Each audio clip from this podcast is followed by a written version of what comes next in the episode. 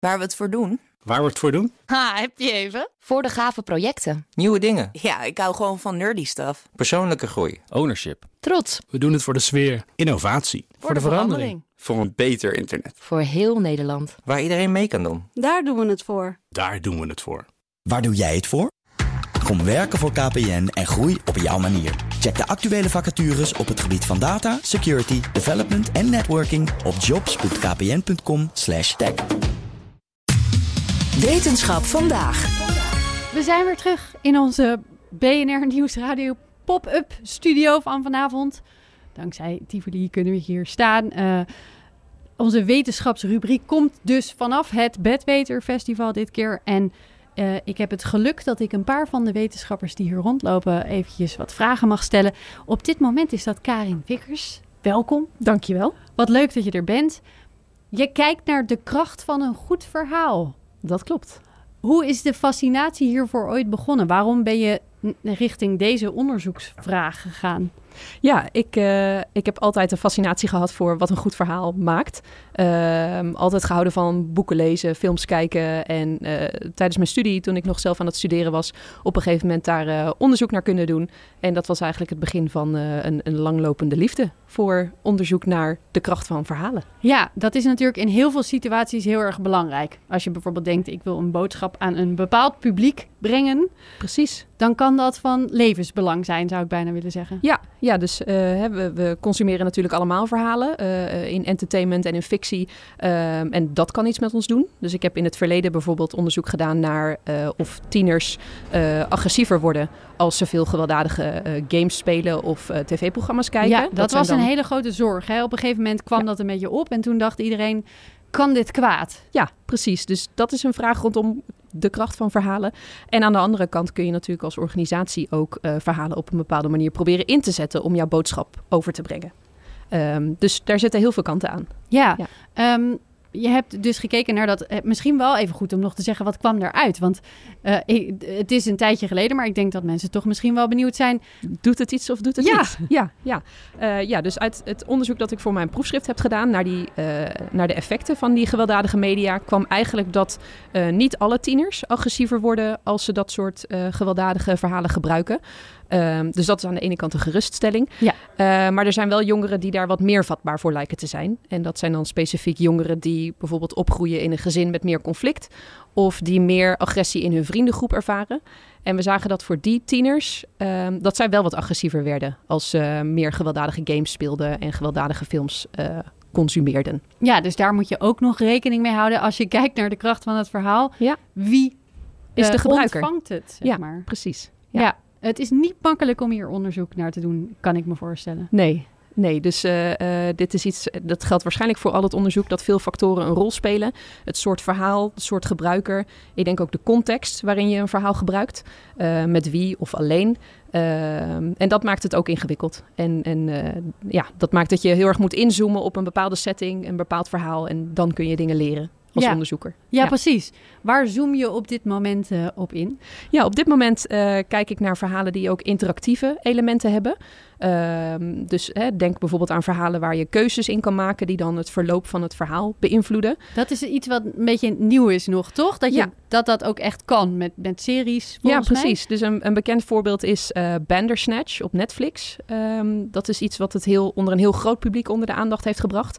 Um, maar hè, langer geleden, toen we nog vooral boeken lazen, uh, waren er ook boeken waarin je hè, aan het eind van een pagina stond: uh, als je keuze A wilt nemen, ga naar pagina 85. Oh ja. Ja, ik wist dat helemaal niet dat dat er was. Ja, dus dat is, dit is in die zin niet iets nieuws. Maar wat Nel wel nieuw is, is dat we nu de technologie hebben om ja, het, het makkelijker te maken, meer keuzes mogelijk te maken. En, en natuurlijk ook verhalen interactief te maken of interactieve verhalen te vertellen met audiovisuele uh, elementen. Ja, de beleving wordt wel heel anders uh, ja. daardoor. Ja. ja.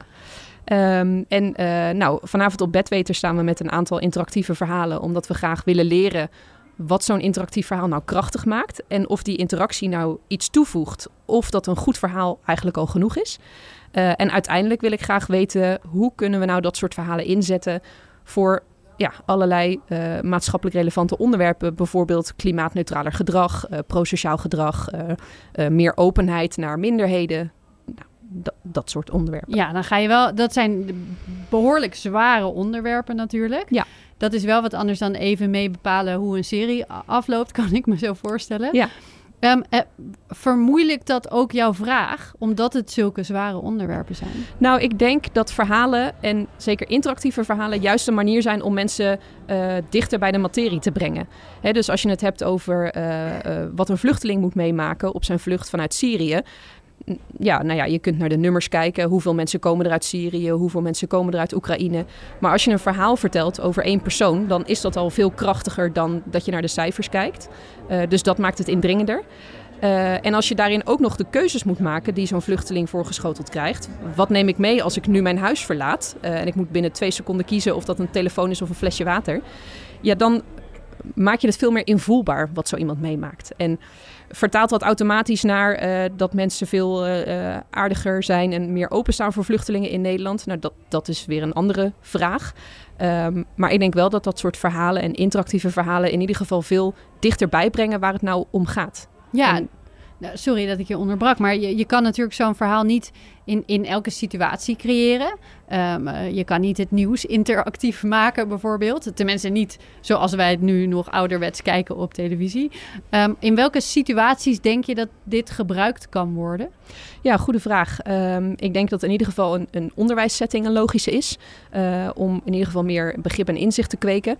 Maar ik denk ook als je eh, dit soort verhalen of verhaallijnen kan embedden in, in bestaande eh, entertainmentproducties. Kijk, denk aan, aan Bandersnatch op Netflix. Als je zo'n samenwerkingsverband aan kunt gaan en dat op een hele grote schaal kunt uitrollen. Ja, dan heb je een heel groot bereik.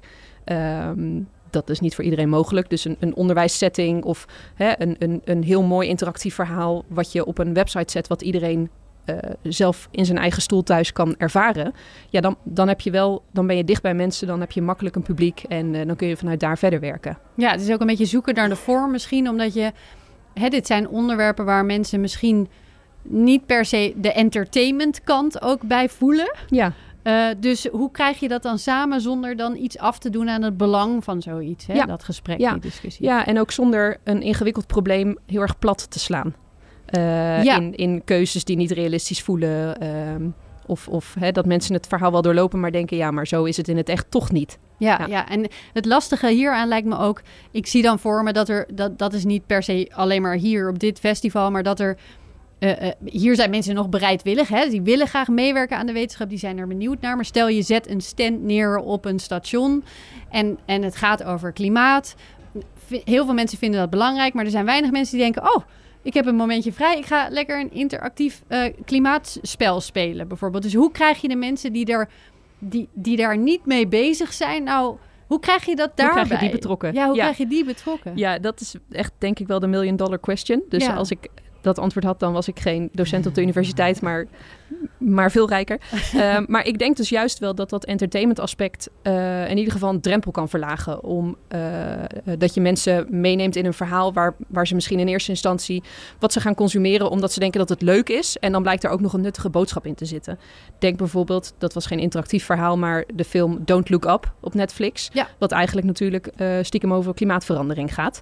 Eh, nou, zo kun je dan proberen om, om iets wat misschien minder appetijtelijk is op een leuke manier te brengen. Dus het maakt niet uit als dat een beetje mengt, zeg maar. Nee, ehm, hè, je moet dat op een goede manier doen en ook op een ethische manier uiteraard. Maar ik denk dat juist ook die entertainment kant kan helpen om eh, het in ieder geval aantrekkelijker te maken. En voor mensen de drempel te verlagen om dan toch dat soort inhoud te, tot zich te gaan nemen. Ja, en ook wat, er wat dieper mee bezig te zijn dan alleen maar wat je zei, hè, cijfers. Ja. Maar ook echt te voelen wat voor impact heeft zoiets. Ja, precies. Wat hoop je dat er vanavond gebeurt?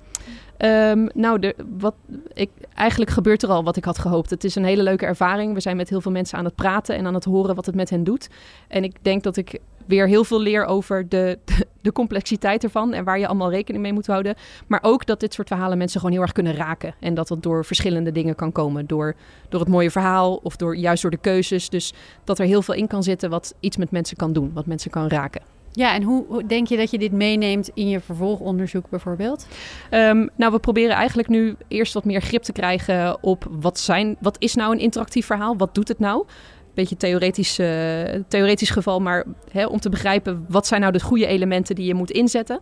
Uh, om zo beter te begrijpen hoe kun je nou, wat, wat voor advies kun je geven over bijvoorbeeld uh, het design of de ontwikkeling van een interactief verhaal met als doel maatschappelijk relevante verandering. Ja, zodat bijvoorbeeld een school dit kan gaan toepassen, ja. maar dan wel een beetje op een gestructureerde manier ja. en niet zomaar wat. Precies. Ja, ja hartstikke mooi. Uh, en de reacties zijn dus heel erg leuk, ook voor jou denk ik, om te zien. Ja, ja het is uh, heel leuk om met mensen in gesprek te gaan en te horen wat zij nou vinden van de interactieve verhalen die wij gebruiken. Uh, dingen die wij heel erg leuk vinden, vinden zij misschien heel stom en dat is heel waardevol om die input te krijgen. En ingewikkeld, want iedereen vindt daar weer wat anders van. Hoe maak je dan iets wat, wat voor de meeste mensen werkt? Het lijkt me uh, uh, oneindig interessant om hier naar te kijken, maar ook pittig. Ja. Dus Inderdaad. heel veel succes. Dankjewel. Nee, ik hoop dat je heel veel, uh, heel veel informatie in ieder geval kan verzamelen vanavond. En, en dank je dat je hier even was. En ook gewoon heel veel plezier de rest nog van Dankjewel. dit festival. Bij BNR ben je altijd als eerste op de hoogte van het laatste nieuws. Luister dagelijks live via internet. Bas van Werven. En heel langzaam komt de zon op rond dit tijdstip. Je krijgt inzicht in de dag die komt op BNR, het Binnenhof in Nederland en de rest van de wereld. De Ochtendspits. Voor de beste start van je werkdag. Blijf scherp en mis niets.